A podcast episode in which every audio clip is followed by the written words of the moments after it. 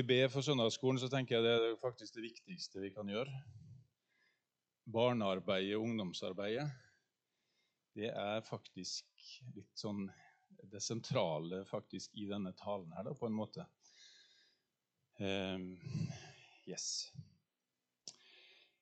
Når en er uh, lærer, da har en uh, et oppdrag i å komme med repetisjon i begynnelsen av timen. Um, og jeg tror det at det er flere enn meg som ikke har vært på alle eh, søndagene her i vår. Eh, sånn at jeg tror at det er litt lurt at jeg kjører en liten sånn dra linja litt bakover i forhold til hva som er temaet eh, denne våren. Eh, fordi at det er ganske mange søndager som har det temaet knytta til Hvis du tar opp den trekanten eh, på bildet der. Eh, den disippeltrekanten. Jeg rekker opp hånda de som har sett disippeltrekanten før. Ja, det er bra.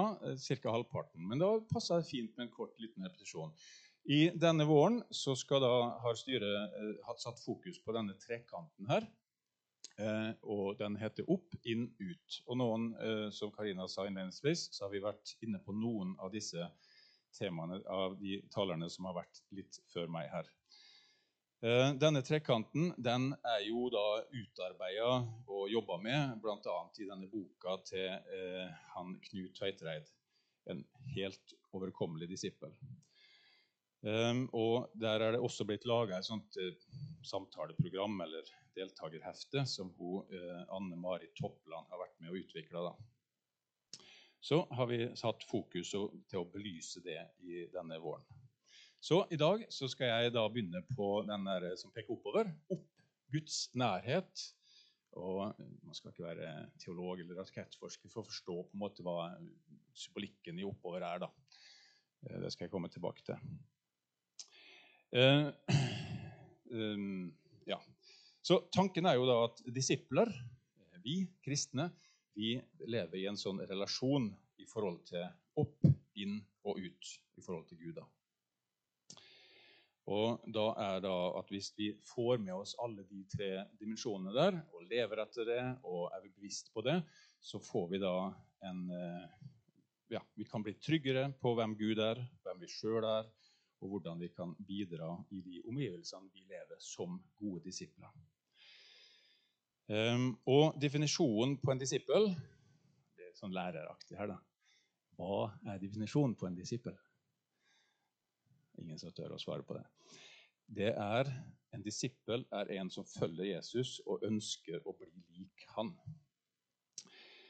Um, og denne disippeltrekanten den handler om identitet, og den handler om handling. Og Hvis du bare viser den neste tabellen jeg hadde Det var litt dårlig lys å se det på her. Men der ser vi at det er opp, inn, ut, og så er det delt identitet og handling. Vi er Guds barn. Det er vår identitet i forhold til opp, vi er en del av Guds familie i forhold til inn, og vi er verdens lys i forhold til ut. Sant? Så er det knytta en del bibelord og eh, handlinger. I, i, I, disse bibelordene ligger det handlinger. Jeg skal komme tilbake til det. Um, ja. Eh, så sier hun Toppland innledningsvis i dette heftet hun skriver.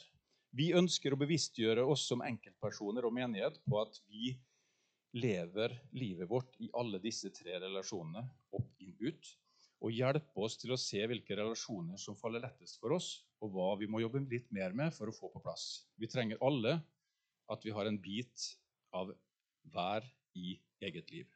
Men som menighet er det flott at vi kan utfylle hverandre, slik at menigheten til sammen fungerer i alle ledd. I går så var jeg i konfirmasjon her. Og Karina var inne på det. Jeg satt her. Jeg må si jeg var blank i øynene eh, mye av den samlinga. Fordi dette med å se disse ungdommene For det første konfirmanter, som må jeg si jeg torde nesten ikke ta på meg den hvite kappa når jeg var konfirmant, selv om pappa min var prest. Å se de står her med full frimodighet og løfter hendene og synger til Guds ære, det er jo helt vanvittig, egentlig jeg tror egentlig vår generasjon, eller min generasjon, var mye dårligere på det. Men så tenker jeg de må ha fått noe, grepet noe, for å kunne stå der. tenker jeg. Det var ufattelig inspirerende. Jeg skal komme litt tilbake til det senere. For på Senere på dagen så ble jeg også veldig inspirert av ungdom. Disippel. Jeg har lyst først til å ta for meg ordet disippel. Begrepet disippel det vet vi, det blir brukt mange mange ganger i Det nye testamentet. Jesus sjøl bruker ordet. Han sier, 'Dere er mine disipler'. Gjør alle folk til disipler, osv. Så, videre, og så, videre. så det er et viktig ord. Det er ikke bare et ord vi har funnet på, men det er et ord som Jesus har et forhold til, og som vi skal vite hva betyr. Det er altså en som følger Jesus og ønsker å bli lik ham. Men så har vi også ordet apostel. Og hva er det? Blander du ordet apostel og disippel? Det er litt eh, ofte at vi hører. Jesu apostler og Jesu disipler, er det det samme? Um, det er både ja og nei. Jeg har lyst til å understreke det bare innledningsvis. For Jesus han hadde mange disipler. Unge, gamle, damer og menn var Jesu disipler. Vi vet ikke hvor mange han hadde. Men det var bare tolv av de disiplene som ble valgt til Jesu apostler. Det var tolv menn som han pekte ut, som ble overgitt et særlig oppdrag og et særlig mandat. Og det var de på en måte han eh, sendte ut og skulle bygge sin kirke. Det vil si, det var egentlig mest Peter, for Peter var den som fikk hovedoppdraget. Han sa, 'På deg vil jeg bygge min kirke'. Og det har jo den katolske kirke tatt veldig på ordet. Og vi vet eh, i Roma, Peterskirka, eh, i ene siderommet der For dem som har vært der, jeg var der, eller vi var der og kikka. Og det er jo litt fascinerende å se den steintavla som henger i det ene siderommet der. Der står det fra år der Peter tassa rundt sammen med Jesus, og en sammenhengende linje helt til dagens pave. Det er jo fascinerende. De har tatt det helt på alvor. Peter han er grunnlaget for det som er eh, eh, apostlene. Og så er den apostoliske tradisjonen og linja trukket gjennom paven. Den følger ikke vi som lutheranere, men det er likevel likt ålreit å huske på. Peter han fikk spørsmål av Jesus tre ganger. 'Elsker du meg?' 'Har du meg kjær?' 'Elsker du meg?' Hva svarte Peter på det? Du vet alt. Han og vi blir stadig stilt for det samme spørsmålet. Har du meg kjær? Elsker du meg? For at, som Jesus han fikk det sentrale spørsmålet av eh, skriftlærde. Hva er det største viktigste budet? Og Da sier Jesus du skal elske din neste som deg sjøl, og du skal elske Herren din Gud. De to tingene, elske Gud, elske vår neste. Vi blir stadig vekk eh, gjort sånn som med Peter. Vi må stadig gå ut på dypt vann. Vi blir stadig stilt til veggs. Er du også en av de? Eh, så hele tida har vi Gud eh, på førsteplass. Eh, vil vi vedgå hvem vi tilhører? Og da må vi si som Peter, Herre, du vet alt. Han så i seg sjøl jeg makter ingenting. Det er kun gjennom Guds nåde at vi holder mål og strekker til. Så har vi akkurat feiret påske. Eh, vi vet at Jesus tok all vår synd og skyld opp på korset, tok straffa på seg. Og der kommer dette gamle ordet 'rettferdiggjørelsen' inn. Vi er rettferdige, rene og rettferdige. Og av den følger helliggjørelsen, som er en del av temaet i dag. Helliggjørelsen. Nemlig at vi ved troa på Jesus kan bli mer og mer lik han det som er definisjonen på en disippel. Vi ønsker og vi kan bli mer og mer lik han. Hva er Jesus? Jo, jødene snakker om en rabbi. Han er vår rabbi, læremester. Um, og um, det greske ordet for um, student, vet du hva det er? Det leste jeg i, da, i den boka til Tveitereid. Mathetes. Matetes. Og det er ikke bare et ord som ble brukt i Nytestamentet den gang, men det er faktisk et ord som står i dag på studiekortet til greske, eller i Hellas. Eh, de er en matetes, altså det er en student. Og hva er det som kjennetegner en student? Det skal vi peke litt på etter hvert. For vi er jo sånne studenter. Vi er Jesu studenter, Jesu lærlinger. En student tilegner seg jo kunnskap og ferdigheter. Han har et mål om å lære noe. Han har eh, må. For noen av oss er det litt sånn må lese bøker. Han øver mot et høyere mål. Han vil opp. Han vil fram.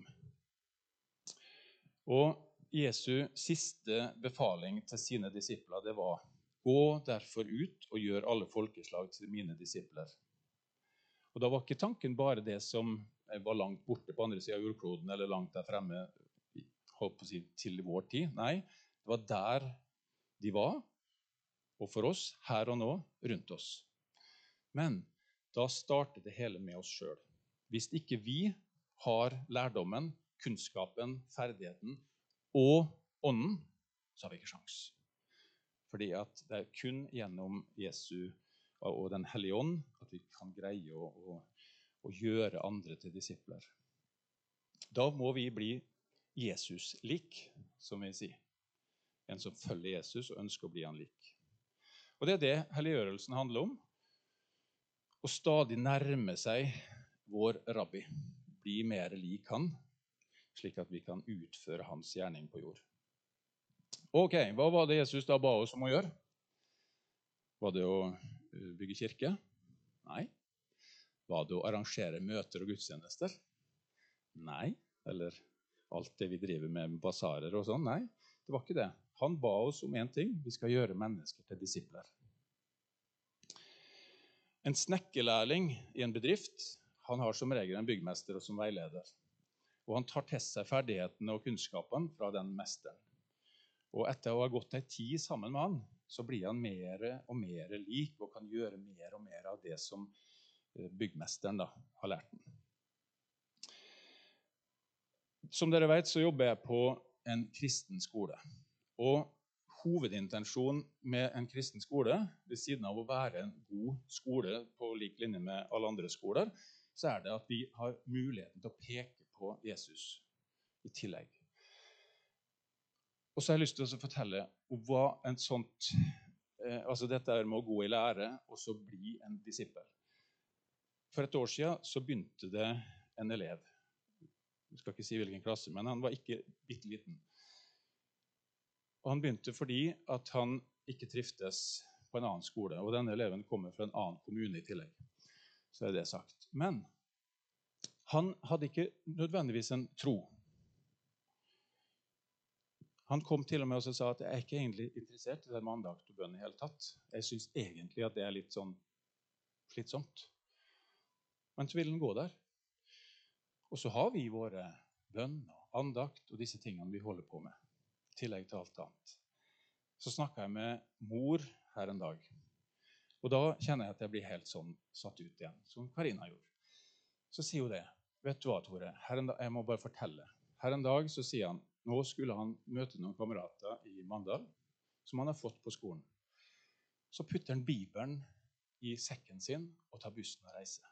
Han skulle møte dem.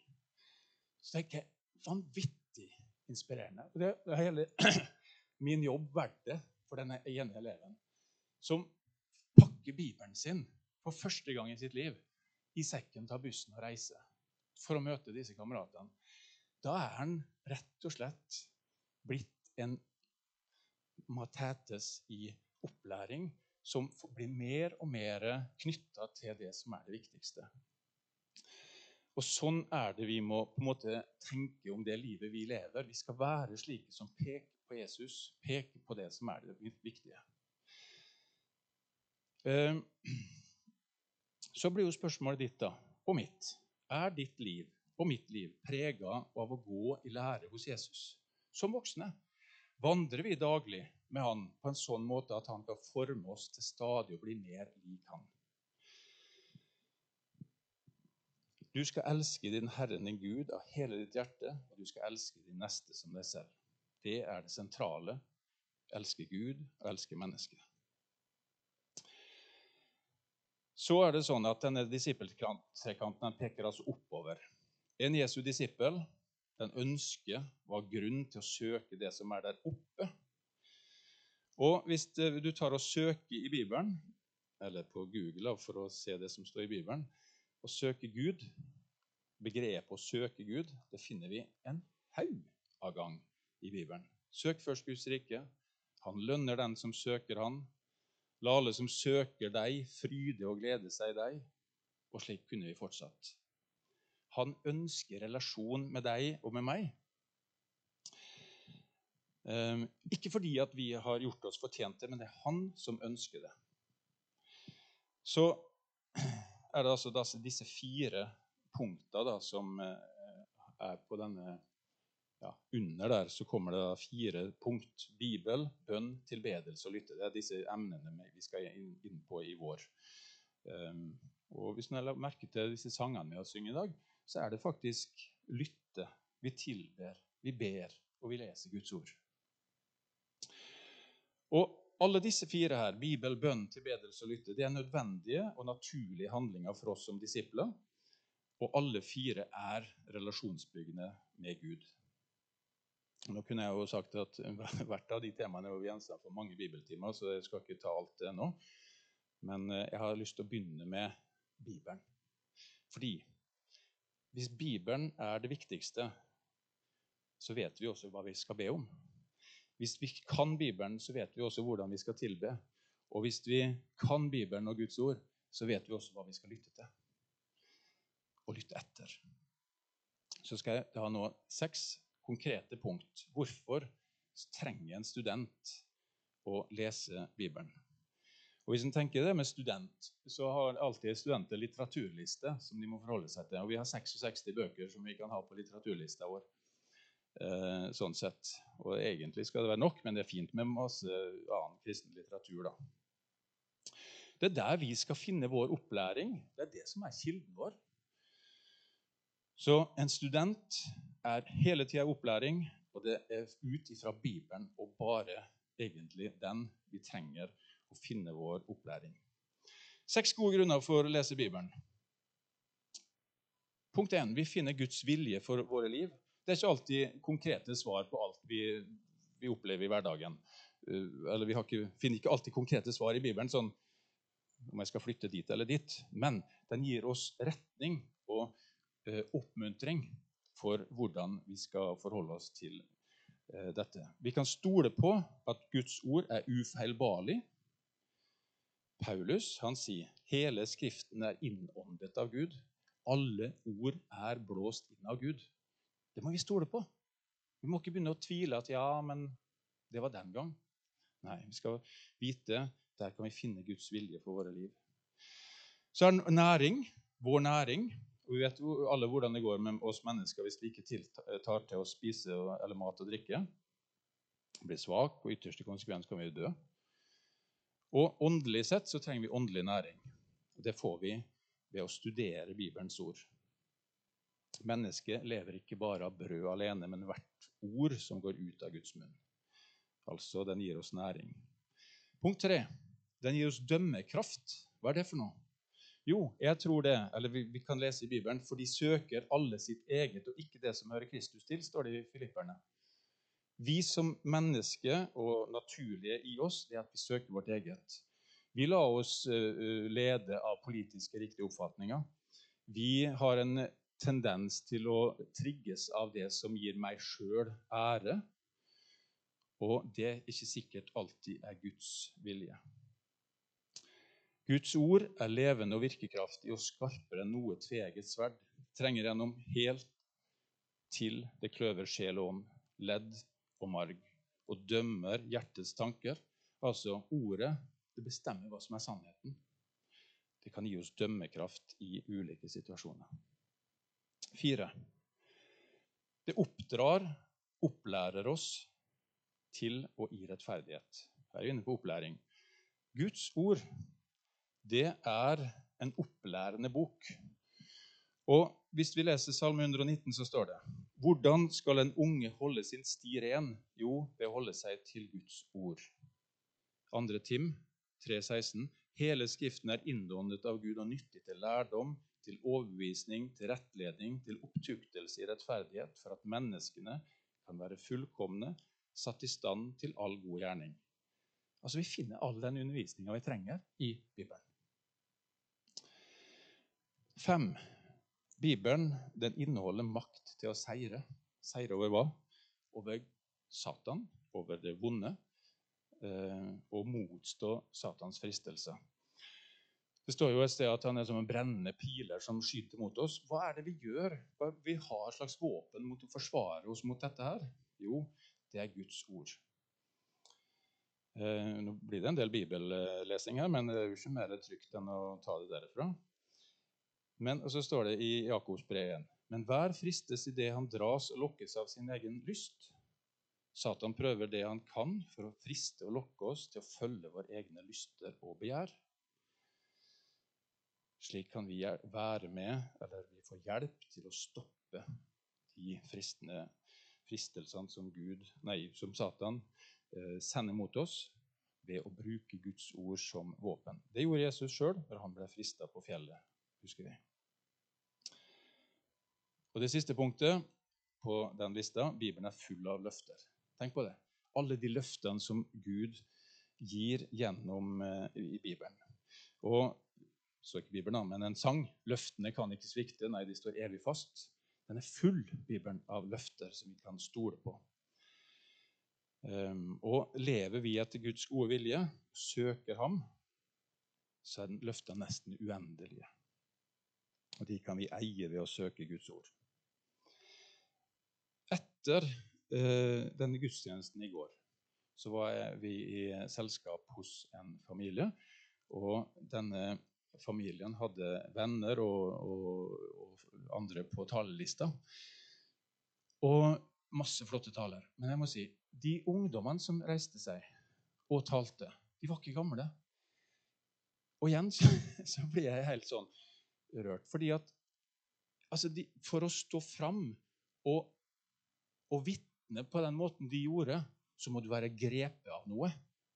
De må ha fått ei opplæring gjennom sine foreldre, sin ungdomsleder, whatever, til å kunne stå der og være så fulle av Guds ånd at de står der overfor en konfirmant og, og sier 'Vi har bedt for deg i lang tid nå.' Vi har tenkt 'Hva er det vi trenger å be over denne gutten?' Og så profeterer de over en ungdom. Og, og hvordan, får, hvordan, det, hvordan, får de til det hvis de ikke har blitt full av Guds ord og full av Den hellige ånd? Selvfølgelig ved å ha blitt opplært i det og ha fått tak i det. Og det må jeg si eh, Jeg sa det vel til Kari på trappa her i sted. Det er virkelig håp for framtida når jeg ser alle disse ungdommene som virkelig har grepet Ånden og Ordet og, har dette i seg. og De er kjempeinspirerte til å bringe dette videre. Og eh, Som jeg sa eh, til Aurora i går, og jeg spurte henne i dag om jeg kunne nevne kort dette, Nå var jo Karina inne på det også. Men, men at en, du som ungdom eh, snakker på den måten du gjør, da har du fått mye i deg. Og det er så inspirerende å høre oss og se at den eh, opplæringa som barn får hjemme, her i menigheten, i andre menigheter, rundt omkring i byen, da har vi gjort noe som er riktig. Og da må vi tenke hvor viktig er det ikke at vi engasjerer oss og støtter 1319?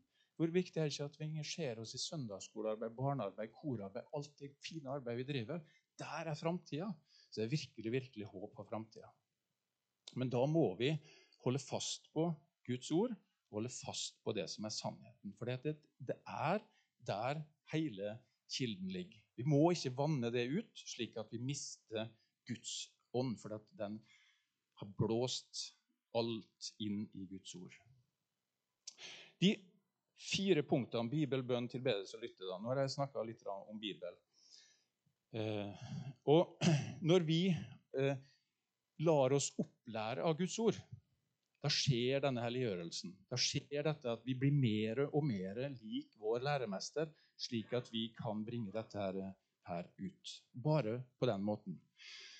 For det neste punktet, da, som ikke jeg skal snakke om nå, bønn. Jo, vi skal be uavlatelig, står det. Tilbe betyr å gi verdi, egentlig. Vi skal uh, tilbe Gud. Og, uh, og, det siste punktet å lytte til Gud. Hvis disse ungdommene ikke har hatt evne til å lytte, ikke har evne til å be, ikke evne til å tilbe, da kunne de ikke ha stått fremme her og gjort det de gjør. Um, en litt sånn tankevekkende liten setning som står på nordkirken.no sin side om tilbedelse. Bare tenkte å ta med det. Um, tilbedelse forbyttes av og til med bønn. Det er ikke det samme. På nordkirken.no står det tilbedelse. Hvis vi ikke ser Guds verdi, kommer vi heller ikke til å gi ham det han fortjener i tilbedelse. Dybden i tilbedelsen vår avhenger av hvor stor åpenbaring vi har av hvem Gud er, hva han har gjort, og hvem vi er i ham. Litt alvorlig egentlig å tenke på hvis vi sier nei, har ikke noe behov for å tilbe. Hmm. Da er det kanskje dybden som ikke har kommet stikke dypt nok i oss. Hvis vi virkelig innser og ser og forstår hva Gud har gjort oss, med oss, og hvem vi er i Han, da har vi inderlig behov for å tilby Ham så er det viktig for meg å understreke vi skal lytte. Ja, vi skal lytte til Guds røst. Men du, du kan ikke greie å kjenne igjen Guds røst hvis du ikke vet hvordan han snakker. Og Jeg vet det at jeg har sagt det før, men det er en, den sterke historien for i dag. Eh, en sterk historie som jeg opplevde der med, med sauesanking. Jeg har sagt det mange ganger før, men jeg, jeg blir aldri ferdig med den. I dag så er teksten på en av søndagene etter påske. Det er vel andre nå den gode hyrde, så står det Jeg kjenner mine, og mine kjenner meg, sier Jesus. Jeg kjenner mine, og mine kjenner meg. Hvordan kjenner du Jesus? Har du blitt kjent med han? Vi blir kjent ved at han får snakke til oss så mye at vi kjenner igjen hans stemme. Og denne eh, lille historien om, eh, som jeg sier ofte, Tom Rune Gundersen, som leier mye av de jordene borte hos oss. Vi har masse sauer. Hva er det han er flink til? Han går og snakker med sauene sine ukentlig. Gir dem brød, prater med dem. Det høres jo ikke helt bra ut, men han gjør det. Hva skjer når han kommer på høsten og skal sanke inn sauene sine?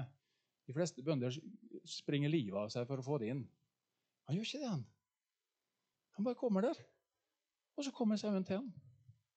Fantastisk bilde på hvordan vi skal være sammen med Gud, slik at når han taler til oss, så kommer vi til ham. Relasjon opp altså forbundet med fire deler bøll, bønn, bibel, tilbedelse, lytte. Og vår identitet er at vi er Guds barn. Og som eh, en sa i går, du Aurora som sa det, et barn ser opp til en god far. Og en kjærlig far lengter etter å ha kontakt med sitt barn. Det pappa har sagt, det er sannheten. Takk, himmelske Far, for din sannhet. Takk for at du ønsker å ha med oss å gjøre. Hjelp oss at vi tar rettferdiggjørelsen til oss, slik at vi blir helliggjort.